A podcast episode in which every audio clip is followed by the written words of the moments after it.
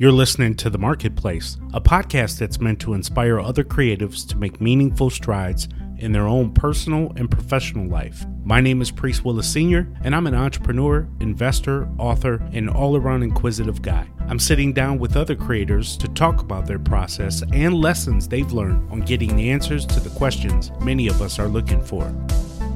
Let's get ready to roll.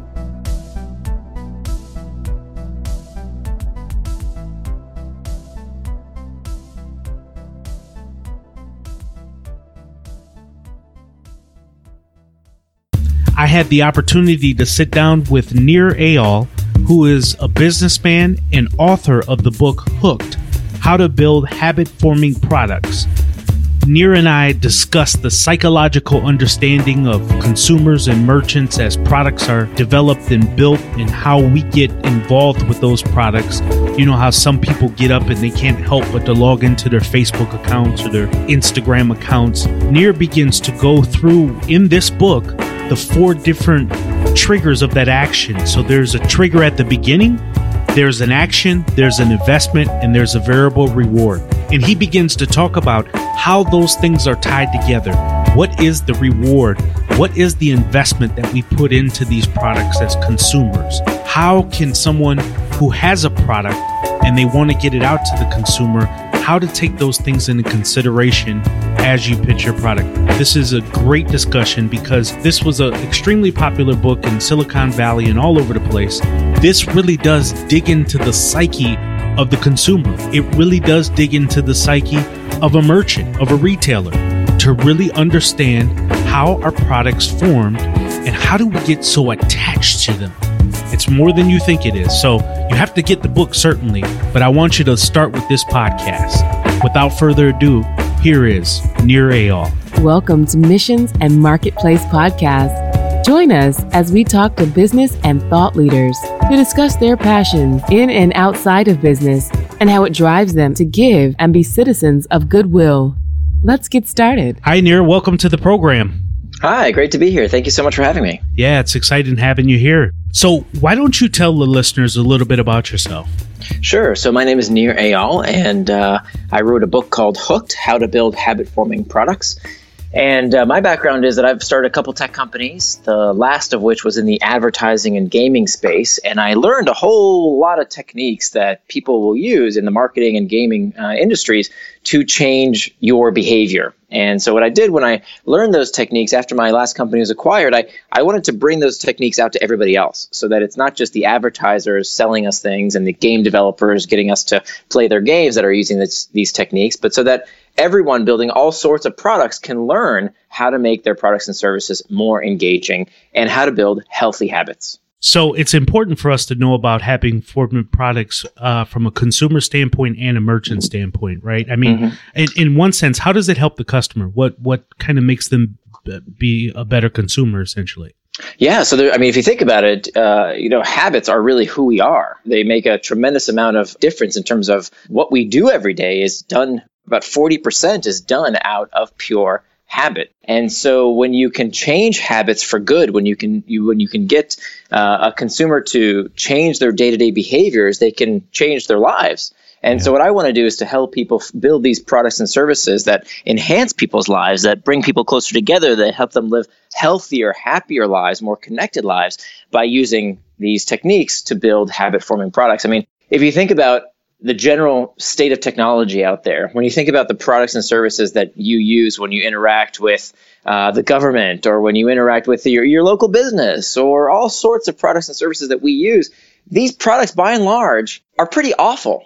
Right, right, They're terrible, right? The, the products that we have to use to interact with our uh, with so many people in our lives, they really suck. Yeah. And so, what I want to do is to, to learn from the best. How can we learn from uh, companies like Facebook and Twitter and Instagram and WhatsApp and Snapchat? How have these companies so quickly change users' behaviors? And so, I want to take those lessons out so that all of us can learn from them and, and apply those same patterns and design to our own products and services. That's really good because I think you're you're bringing up a good point. I think there was a time uh, when people were building products and services that we didn't really consider the consumer, and the consumer just bought it because there were really no options. But right, I think I read it from you, or there's a blog somewhere where you talked about this. Of course, where it talks about, you know, Larry Page, for example, at Google, where he's actually going to his different developers and stuff, and he has what he calls a toothbrush test. Right. I, lo- I love that toothbrush test. And it's it's so critical. I mean, it, it, this idea that, that Larry Page and, and Google look for new product innovations that pass this toothbrush test because what they realize, and what I, I devoted a whole chapter in my book to writing about, is the importance of frequency. That if a behavior is not done often enough, there's almost no chance of it becoming a habit. And it's not, frankly, going to be all that important to users' lives. I mean, if you think about what's happened over the past several years when it comes to the technology industry, our interfaces have shrunk, right? Hmm. We went from desktops to laptops to now mobile and now wearable devices like the Apple and the Google Glass, all these wearable devices coming, uh, you know, that are coming online here. So the interface has shrunk. The real estate that we have to trigger people to take action, to use our products and services has just gotten smaller. It's also gotten more portable, but it's gotten much, much smaller, which means that if you're not top of mind, you just are ignored. You're not used. If you're not that app on the home screen, or if you don't own a place in the user's mind, you're just not going to, to, to, be very relevant for the user. And so that's why it's so critical to create these habits where people don't need external trigger. They don't need kind of any kind of external prompting. They use the product on their own. So Nir, were have we always been as consumers creatures of being drawn in by our habits or have the Steve Jobs of the world, whether it's Apple or Facebook and all these other brands, have they taught us to be that way? I think the world is becoming a potentially more addictive place, uh, certainly more habit forming place, because there's just more opportunity to send people through what I call hooks, and I can we can talk about those hooks in just yep. a minute.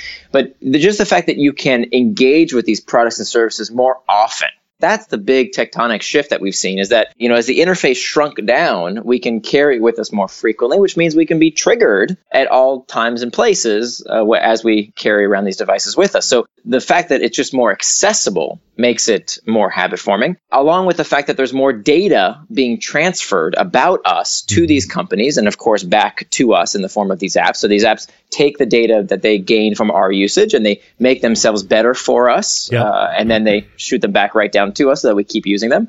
And then speed, right? The fact that this data is being transferred so quickly is unprecedented. So that trinity of data, access, and speed is why the world is becoming a more habit forming place. You're alluding to a lot of this stuff here, so we'll we'll just chop it up a little bit. Before you wrote this book, you were blogging about psychology and kind of analyzing about, you know, highly engaged products. And then eventually you went into this book, but you kind of extrapolated four key parts from it the trigger, the action, the reward, and the investment, which is kind right. of what you were diving into before when you were saying, hey, we're giving them Instagram, we're giving them our photo, but we're less likely to leave because now we're invested. But let's try to cover some of this. So, first, explain what is the habit zone? Sure. So, uh, I talk about this hook in the book, which is this four step process. That's basically the outline of the book. This four step process that we find endemic to all sorts of habit forming products, both offline and online, mind you. But the examples that I talk about are really uh, all online. The hook has these four basic parts, starting with a trigger a trigger comes in two types. We have these external triggers and internal triggers. I'll get to the internal triggers in a minute. Mm-hmm. But the external triggers are things that tell the user what to do next with some piece of information. Click here or play this or these, these things that exactly buy now, these things that tell you what to do next. Then the action, the next step of the hook, is defined as the simplest behavior done in anticipation of a reward. It's something as simple as a scroll on Pinterest or hitting the play button on YouTube or searching on Google. These incredibly simple actions that give us an immediate reward. Then the third step of the hook is the reward itself, and it's typically a variable reward. So this comes from the work of B.F. Skinner, the father of operant conditioning, mm-hmm. who found that when he gave his pigeons, he took these little pigeons, he gave them a food pellet every time they would click on a little disc. And at first, he gave them the food pellet on a predictable schedule. So click on the little disc, receive a food pellet. And so basically, he could train these pigeons to click on this disc whenever they were hungry. But then what Skinner observed was that when he introduced some variability, so for example, one time the pigeon would click on the disc and nothing would happen. The next time they would tap at the disc, they would receive a reward. And what Skinner observed was that the rate of response, the number of times these pigeons pecked at the disc increased. It was observed to occur more often when the reward was given on a variable schedule of mm-hmm. reinforcement. So that's a really key component of the hook, and it's a key component of all sorts of products that we find most engaging, most habit forming, the things that kind of capture our attention both, both offline and online, we find this element of mystery, this bit of variability in all sorts of products and services. Online, the best example of that is when we're scrolling on Facebook or Pinterest or Twitter, that news feed that's so popular in everything that we do online today, that news feed is very similar to a slot machine, right? We keep scrolling and scrolling and searching and searching for that next variable reward. We see it as the basis of what makes email so habit forming. Offline when you think of spectator sports you know what is spectator sports other than a ball you know bouncing randomly across a field? That's also variable rewards. There's all kinds of variable rewards in products that we find most engaging. So what makes slot machines so so uh, intoxicating if not addictive. Although it's interesting with the email though because it that's went from an exciting moment i remember when i was on mindspring internet when jesus was on the internet you know at one point there was Mindspring Internet, and then all of a sudden you got email and you were excited to get it, and now email is just atrocious to get for a lot right. of people. So it's, it's just too much. Yeah, it's just it's too much. And yet, and yet we can't stop. True. if, you're, if you're anything like me, you still have problems with with email. That's that's the mother of I think habit forming technology, and there's it has a perfect hook to, to keep us coming back. But so the final know, step that I didn't get to in the, oh, yeah, in the hook, ahead. just to finish the four steps, is the investment phase, and the investment phase is probably the most overlooked of the four steps of the hook. The investment phase is where the user puts something into the product in anticipation of a future benefit. It's not about immediate reward. That's what the action phase is for. The investment phase is something the user does to bring themselves back, okay, by either loading the next trigger. So, for example, when I send that email message, I'm loading the next trigger, even though I don't get an immediate reward when I send a message, that I'm loading the next trigger because I'm likely to get a reply. And that reply prompts me through the hook. Once again, we see it on WhatsApp, we see it in Slack, we mm-hmm. see it mm-hmm. in what makes SMS so popular that's that loading the next trigger. And then the second thing that investments do is that they store value. They get better and better and better. And they do this because of the data they collect, the followers we accrue, the reputation we accrue, or the content we put into these products and services. And the more of this investment that we put in, the more valuable the product becomes, the more it appreciates in value and the more likely we are to use it in the future. Is it fair to say that there are some companies that just don't have any of these features or don't need any necessarily, right? I mean, one you've alluded to was uh, at one point you talked about uh, companies like insurance companies. No one is yeah. waking up saying, I just have to call my insurance guy. So there's two questions there who needs it and who doesn't have it? So, who doesn't need it? Anybody who doesn't need a habit. So, it all starts with a business model. Some business models don't need habits right? If you can bring people back to your place of business with advertising, with search engine optimization, with word of mouth, hey, with a physical storefront, right? You can have a, a restaurant on the corner. That doesn't need to become a habit to be a, a profitable business that serves its customers uh, very well. It's only if your business requires unprompted engagement. So if you think about Facebook and Twitter and Instagram and WhatsApp and Snapchat, all of these companies would die. They would go out of business if they had to pay to bring people back with ads, right? They necessitate a habit or they're dead. So those are the kind of companies, both offline and online, that have to have a habit at their core or they're just not going to survive. So that's the first question. Who needs the hook? It's not that every business needs to form a habit. It's that every business that needs to form a habit has to have a hook. So then your second question, well, who doesn't have it? I would say most companies don't have it, even the ones that need to build habit forming products. I mean, when you look at the App Store and you think about the thousands, the tens of thousands, maybe it's hundreds of thousands of apps today that nobody uses because nobody builds a habit around them. They fail to have a cohesive hook. So let me ask something here. So I was going to bring this up, but you are one of the thousand apps within that App Store. What is it I have to do? I know it depends on what you're doing, i.e., Flappy Bird or something along those lines. But what do I have to do to start developing a hook or what do I have to do to, to build that into my process? What is that gem that Facebook has done and Instagram and all these other guys that you just, you have to get up and get on it? Well, the first thing you have to do is open up your laptop. You type in amazon.com and then you type in hooked how to build habit forming products and you buy my book. That's right. Not not because I want the $3 I make per book. I can do without that. I wrote this book not to make money. Nobody m- gets rich on books other than, you know, Malcolm Gladwell and, and people at that strata. Mm-hmm. I wrote this book because I was banging my head against the wall for years trying to figure out how to get people to use what I was building. I've been there. I've developed these products. I've made crappy apps and watched nobody use them. And I wanted to figure out what was the secret. And so it wasn't until I did my research and, and I spent years not only with the developers of the companies that I just talked about, Facebook and Twitter and Instagram, and I've now since worked with those companies very closely, but I also spent a lot of time in the library. I talked with researchers, with psychologists, with people who, you know, with academics who understand what makes people tick so that I could apply those lessons to help explain the deeper psychology behind why these products and services are so successful. And so I really distilled down this years of research into a pretty quick read so that I could finally create the book that I was looking for when I was building product. No, I have to admit, it is a very good book. So I have it on Audible. I have the hardcover book and I even got the workbook.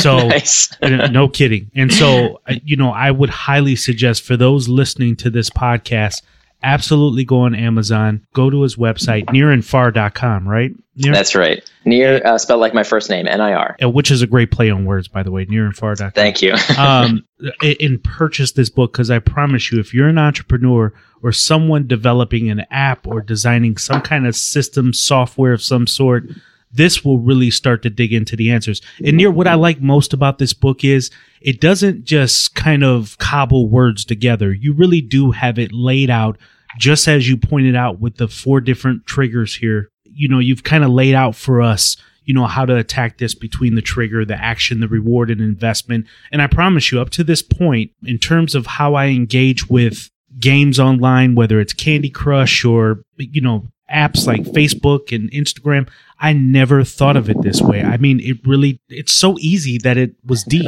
you know it's I appreciate it. Well, Yeah.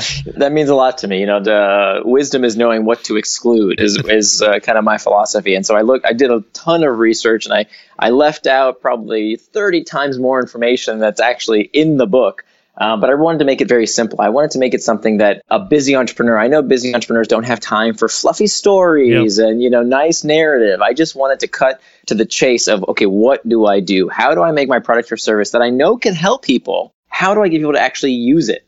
And that's the fundamental question that that book answers. It- I think it's worth being said, and we talked about this offline. There are companies out there that you don't have to think about it just from a software perspective. I mean, think about Red Bull and GoPro. I mean, those are two items that have really made people feel attracted to the brand, that there's an investment involved in it. There's a trigger, of course, at the beginning. So there's all these pieces that Nir is talking about that I think is critical. You know, Nir, I know we're wrapping up here, but let me ask you a question. What are two items, digitally speaking, you can't live without, and what are two items more traditional that you can't live without that we could maybe highlight as examples for the listeners? well, I think I think there's um. So you could say Facebook and email if you want. That's fine. Yeah, I do love those products and services. You know, my my challenge today. I'll, I'll let you know a little secret before I tell you the answer to those to those questions. I'll, uh, there's a little secret here in that the reason I wrote the book is twofold. Number one, as a product maker. Uh, I know how difficult it is to make products and services that, that people actually use, and so I wanted to save the time and effort that people had to, would have to spend failing and not getting it. Kind of distill down those reasons so that those makers out there can build healthy habits. That's really what I want people to do with this book is to help people live better lives by making better products. But there's another reason I wrote this book.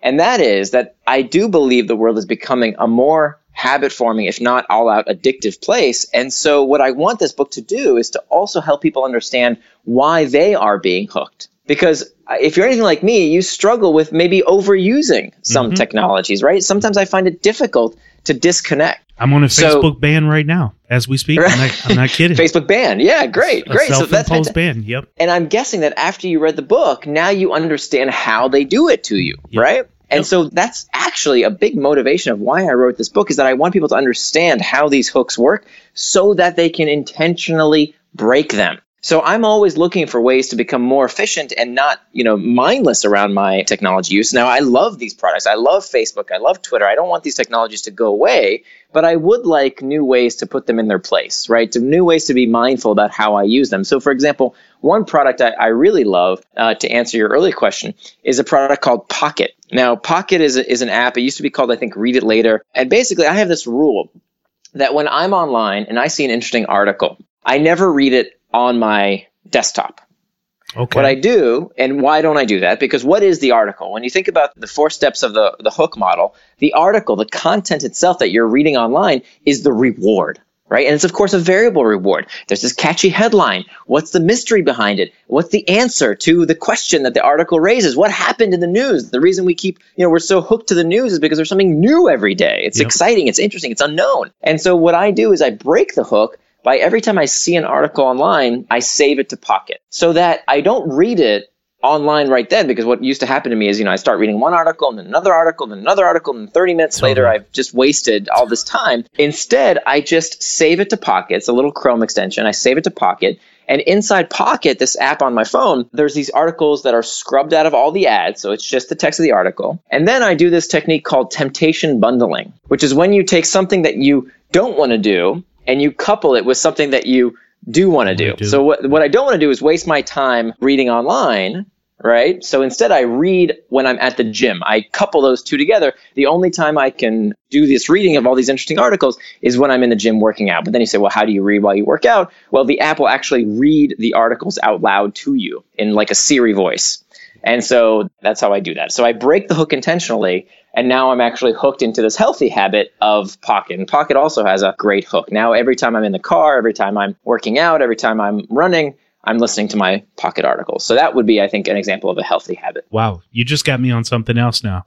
I'm going to dig into that when we wrap up. What about a non traditional? I mean, you could say I keep walking back to the fridge over and over, hoping that there's something different in there. So that, that's the hook. I don't know. What, what, well, what? I think uh, this is a little, maybe a little uh, cheesy, but I, I think friends when you think about what makes friendships exciting, they also have hooks inside them. Now, it's easy for us to break those hooks, unfortunately. And I, I know my life, I've unfortunately kind of, you know, I've moved a lot in my life. I grew up in Orlando and then went to school in Atlanta and then New York. Uh, then I was in Silicon Valley and now I'm in San Francisco. So that all that movement makes uh, it makes it easy to disconnect from friends. But I think uh, you know over the past couple of years, I've really invested more in creating a habit uh, with my friends. And so we have this little group. Every two weeks, we get together. It's on the calendar forever and ever. Every two weeks, it's, it's always there. We don't have to schedule it. We know it's going to happen. So that's the trigger. The action is that we meet together, and it's very easy to meet. We don't. We just everybody just packs their own food, and we have a little picnic or a little gathering. And then the variable reward is the rewards of the tribe, right? The reinforcement that yep. we get from communication. I mean, this this is actually, if you back up into the real reason why so many of these tech products